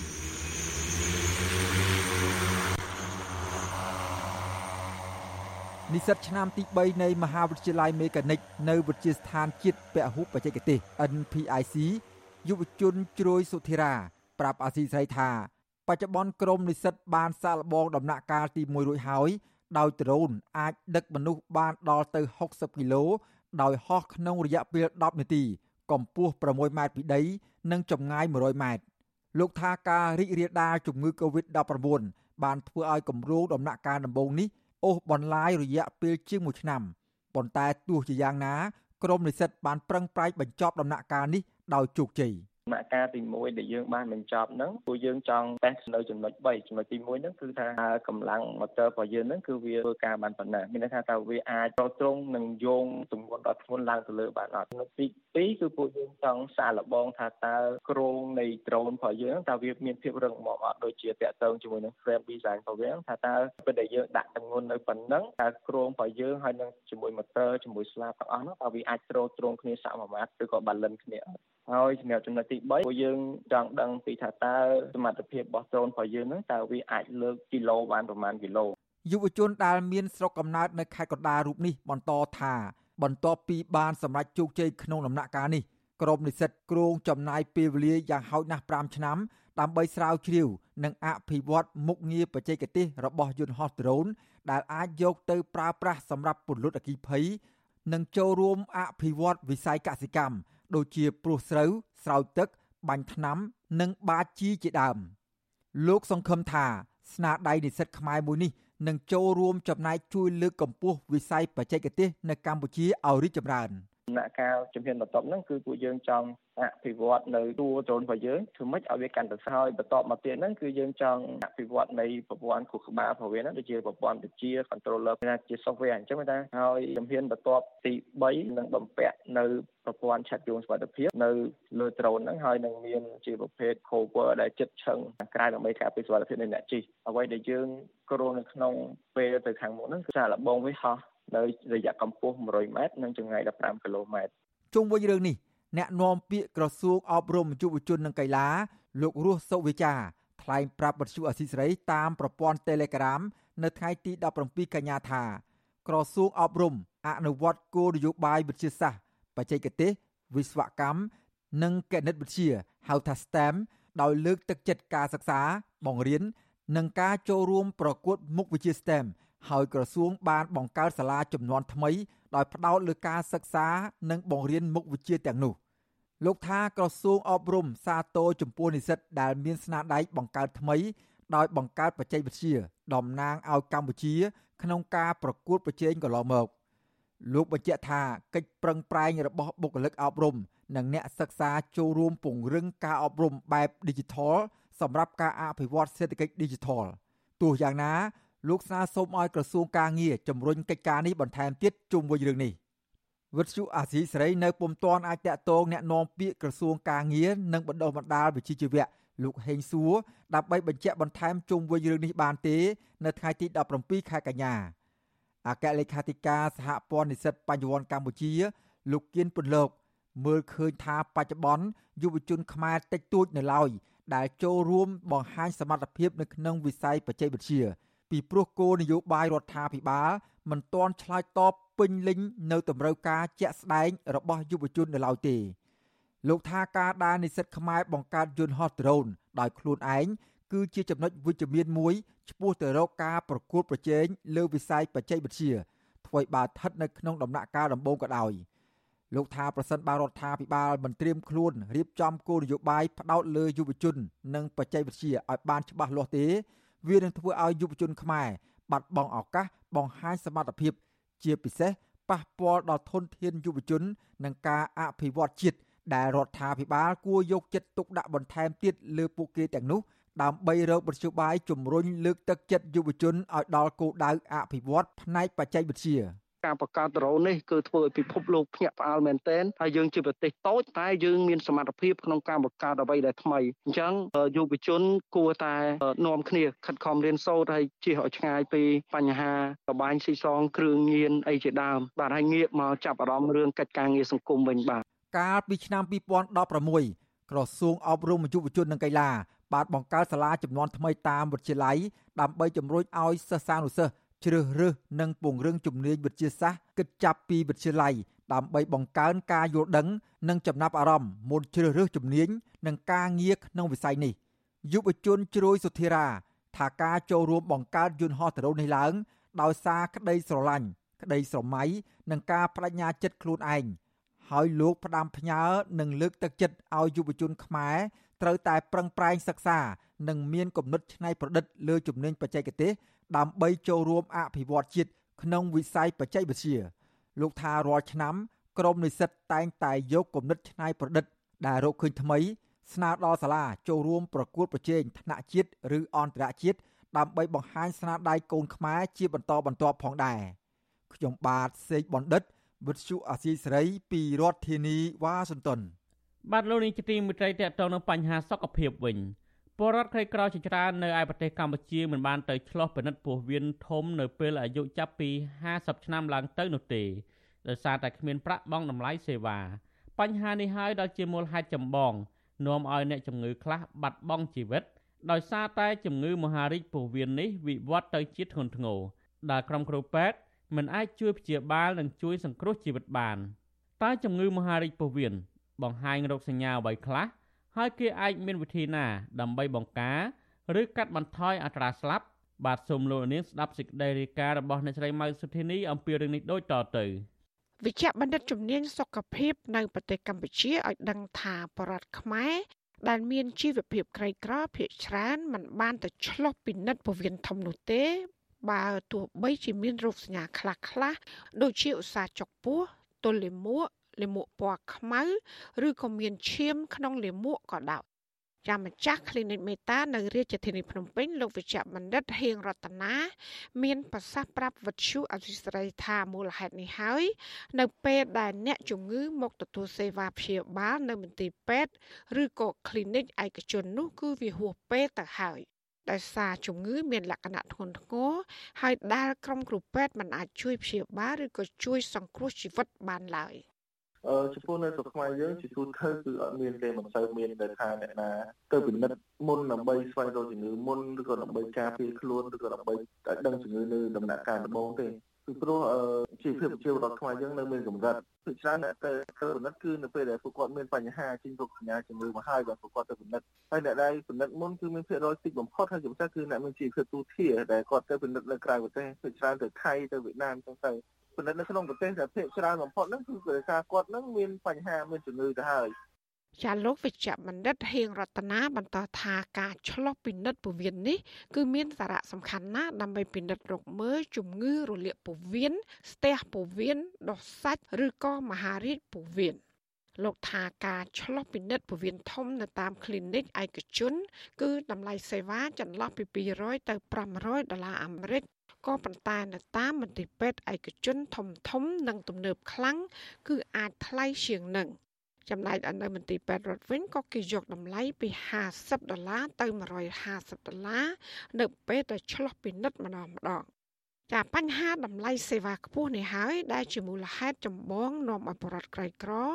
គ្មានលទ្ធភាពពិនិត្យពោះវៀនជាមុន ដែលករណីនេះបណ្ដាលឲ្យបាត់បង់ជីវិតដែលមិនដឹងច្បាស់ពីមូលហេតុពិតប្រាកដនៃការស្លាប់នោះទៀតផងចាលោកវិជ្ជបណ្ឌិតជំនាញសុខភាពទូទៅរូបនេះមានប្រសាសន៍បន្តថាគេអាចកត់សម្គាល់រោគសញ្ញាមួយចំនួន នៃជំងឺមហារីកពោះវៀនធំ ដូចជាឧស្សាហ៍ឈឺពោះបាត់ជើងធំមិនទៀងទាត់ទល់លាមកលាមកមានឈាម ស្រកទម្ងន់ដោយគ្មានមូលហេតុនិងច្រើនអស់កម្លាំងលិតលហើយជាដើមចំពោះការផលិតសុងពោះវៀនហ្នឹងវាអាចរកជំងឺច្រើនហើយជំងឺនីមួយៗមានរោគសញ្ញាផ្សេងៗគ្នាបើចំពោះជំងឺមហារីកហ្នឹងអាចធ្វើឲ្យជំងឺហ្នឹងមានរាករ៉ាំរ៉ៃជាប្រចាំឬពេលខ្លះទៅជាក្តៀនទល់លាមកជួអត់ចេញវិញដោយសារមានដុំសាច់ដុសធំវាស្ទះ គឺច្រើនបំផុតដែលសំខាន់ហ្នឹងគឺមានហូរឈាមធ្លាក់ឈាមតាបាធ្លាក់មកឈាមក្រហមស្រស់ឬក៏លាមកខ្មៅតាមហើយក៏មានគឺច្រើនក៏តែទៅលើចាស់ចាស់ទេដែលគាត់អាយុចាប់ពី40 60ឆ្នាំឡើងមិនមិនមានពីច្រើនណាចាស្ថិតិជំងឺមហារីករបស់ Global Can ឆ្នាំ2020នៃអង្គការសុខភាពពិភពលោកបង្ហាញថាប្រជាប្រដ្ឋខ្មែរចំនួនជាង18000នាក់ នៅក្នុងប្រទេសកម្ពុជា បានទទួលសេវាព្យាបាលជំងឺមហារីកនៅក្នុងអំឡុងឆ្នាំ2020ក្នុងនោះអ្នកជំងឺជាង12000នាក់បានស្លាប់ដោយសារតែជំងឺមហារីកថ្លើមដែលសម្លាប់ច្រើនជាងគេ ហើយបន្ទាប់មកមហារីកសួត ទី3មហារីកសុដន់ទី4មហារីកស្បូននិងទី5វិញគឺការស្លាប់ដោយសារមហារីកពោះវៀនធំ ដែលមានចំនួនជាង500នាក់ ចាចំណែកអ្នកកើតជំងឺមហារីកពោះវៀនធំករណីថ្មីវិញក្នុងឆ្នាំ2020គឺមានត្រប់ជិត1600នាក់រីឯនៅសហរដ្ឋអាមេរិកនេះវិញចំនួនអ្នកស្លាប់ដោយសារជំងឺមហារីកពោះវៀនធំ គឺមានចំនួនជិត53000នាក់ក្នុងអំឡុងឆ្នាំ2020ក្នុងនោះក៏មានអ្នកស្លាប់អាយុក្រោម50ឆ្នាំផងដែរ ចាបញ្ហានេះហើយទើបក្រមវិជ្ជបណ្ឌិតជំនាញផ្នែកសេវាកម្មបង្ការជំងឺនៅសហរដ្ឋអាមេរិកបានផ្ដល់ដំបូន្មានដល់ស្ត្រីនិងបុរសត្រូវតែឆ្លុះពិនិត្យមើលពោះវៀនធំ នៅពេលអាយុ45ឆ្នាំ គឺមិនមែន50ឆ្នាំដោយពីមុននោះឡើយបើទោះបីជាគ្មានរោគសញ្ញាឬក៏គ្មានប្រវត្តិក្រុមគ្រួសារកើតជំងឺមហារីកក៏ដោយចាគ្រូពេទ្យជំនាញផ្នែកជំងឺទូទៅខ្មែរអមេរិកាំងលោកវិជ្ជបណ្ឌិតសៀងសេង ដែលបានចូលនិវត្តន៍និងកំពុងផ្សព្វផ្សាយអប់រំសុខភាព នៅលើគេហទំព័រ Facebook របស់លោក មានប្រសាសន៍ប្រាប់វិទ្យុអាស៊ីសេរីពីរដ្ឋកាលីហ្វ័រញ៉ាថាការឆ្លោះពិនិត្យពោះវៀនទៀងទាត់ និងទាន់ពេលវេលា គឺវិជ្ជបណ្ឌិតជំនាញអាចមានលទ្ធភាពព្យាបាលឲ្យបានជាសះស្បើយនិងអាចជួយសង្គ្រោះជីវិតបាន។ ហេតុផលតាមពិតគឺថាមកពីគេចាប់ផ្ដើមឃើញអ្នកដែលកើតជំងឺមហារីកពោះវៀនធំគឺថានៅអាយុក្មេងៗនៅឡើយដូច្នេះហើយបានគេផ្លាស់ប្ដូរអនុសាសន៍ហ្នឹងឲ្យទៅចាប់ផ្ដើមធ្វើការ screening ពាក្យពេទ្យគេហៅអញ្ចឹងពីអាយុ45ឡើងទៅលើប៉ុន្តែបើសិនជាយើងមានឪពុកម្ដាយឬក៏បើអ្នកណាម្នាក់នៅក្នុងគ្រួសារនឹងមាន ជំងឺមហារីកនៅពោះវៀនធំគឺថាគេតម្រូវឲ្យយើងទៅ screen មុនអាយុ45នឹងទៅទៀតបាទ ចាគេហទំព័រសុខភាពក្រុមគូពេទ្យជំនាញ WebMD នៅសហរដ្ឋអាមេរិកឲ្យដឹងថាជំងឺមហារីកពោះវៀនធំចំនួន90%ច្រើនកើតចំពោះអ្នកមានវ័យលើសពី50ឆ្នាំឡើងទៅ ចាអ្នកដែលធ្លាប់មានបំសាច់ក្នុងពោះវៀនធំផលីបអ្នកមានប្រវត្តិក្រុមគ្រួសារធ្លាប់កើតជំងឺមហារីកឬមហារីកពោះវៀនធំ អ្នកធាត់ខ្លាំងចុកខ្លាញ់ អ្នកជក់បារីអ្នកទទួលទានតារាច្រើនហួសហេតុពេកនិងអ្នកមានទម្លាប់ទទួលទានរបបអាហារមិនល្អដូចជាសាច់ក្រហម អាហារបំពងនិងជាតិខ្លាញ់ជាដើមចាទាំងលោកវិជ្ជបណ្ឌិតហៀងរតនានិងលោកវិជ្ជបណ្ឌិតសៀងសេងយល់ស្របដូចជាថាវិធីដ៏ល្អបំផុត ដើម្បីកាត់បន្ថយហានិភ័យខ្ពស់នៃជំងឺមហារីកពោះវៀនធំគឺត្រូវឆ្លុះពិនិត្យពោះវៀនធំក្រោយពីអាយុ45ឆ្នាំឡើងទៅ ដើម្បីរកមើលកោសិកាដុះរីកធំខុសពីធម្មតាឬក៏មានដុំសាច់ផលលីបពីព្រោះថាមហារីកពោះវៀនធំនេះมันបង្ហាញរោគសញ្ញាអ្វីទេ នៅពេលដែលកាត់ឡើងដំបូងដំបូងចាប់បន្ថែមលើនេះលោកវិជ្ជបណ្ឌិតផ្ដល់ដំបូន្មានឲ្យទទួលទានរបបអាហារទ្រទ្រង់សុខភាព ដូចជាបរិភោគត្រី បន្លែផ្លែឈើនិងអាហារដែលមានជាតិ fiber ច្រើន បន្លែបៃតងហើយនឹងធ្វើលំហាត់ប្រាណឲ្យបានទៀងទាត់ ក៏អាចជួយកាត់បន្ថយហានិភ័យខ្ពស់ក្នុងការកើតជំងឺមហារីកពោះវៀនធំបានដែរ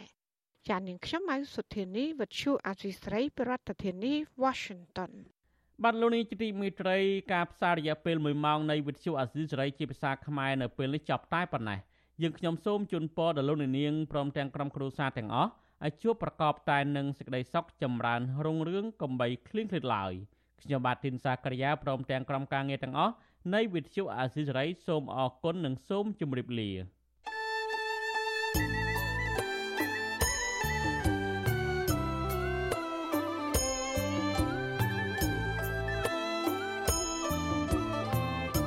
វិទ្យុអាស៊ីសេរីផ្សាយតាមរលក ធាតុអាកាសខ្លីឬ short wave តាមកម្រិតនិងកម្ពស់ដូចតទៅនេះពេលព្រឹកចាប់ពីម៉ោង5កន្លះដល់ម៉ោង6កន្លះ តាមរយៈរលកធាតុអាកាសខ្លី13715 kHz ស្មើនឹងកម្ពស់ 22m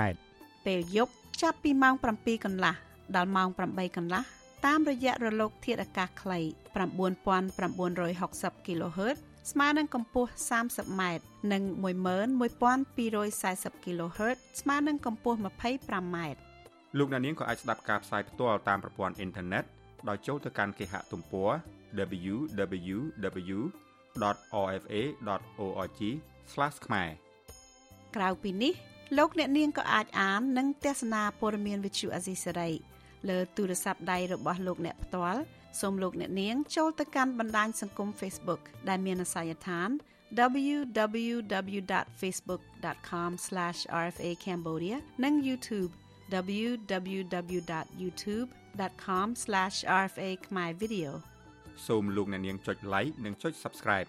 ដើម្បីទទួលបានព័ត៌មានថ្មីៗទាន់ហេតុការណ៍និងទស្សនាវីដេអូផ្សេងៗទៀតបានគ្រប់ពេលវេលា។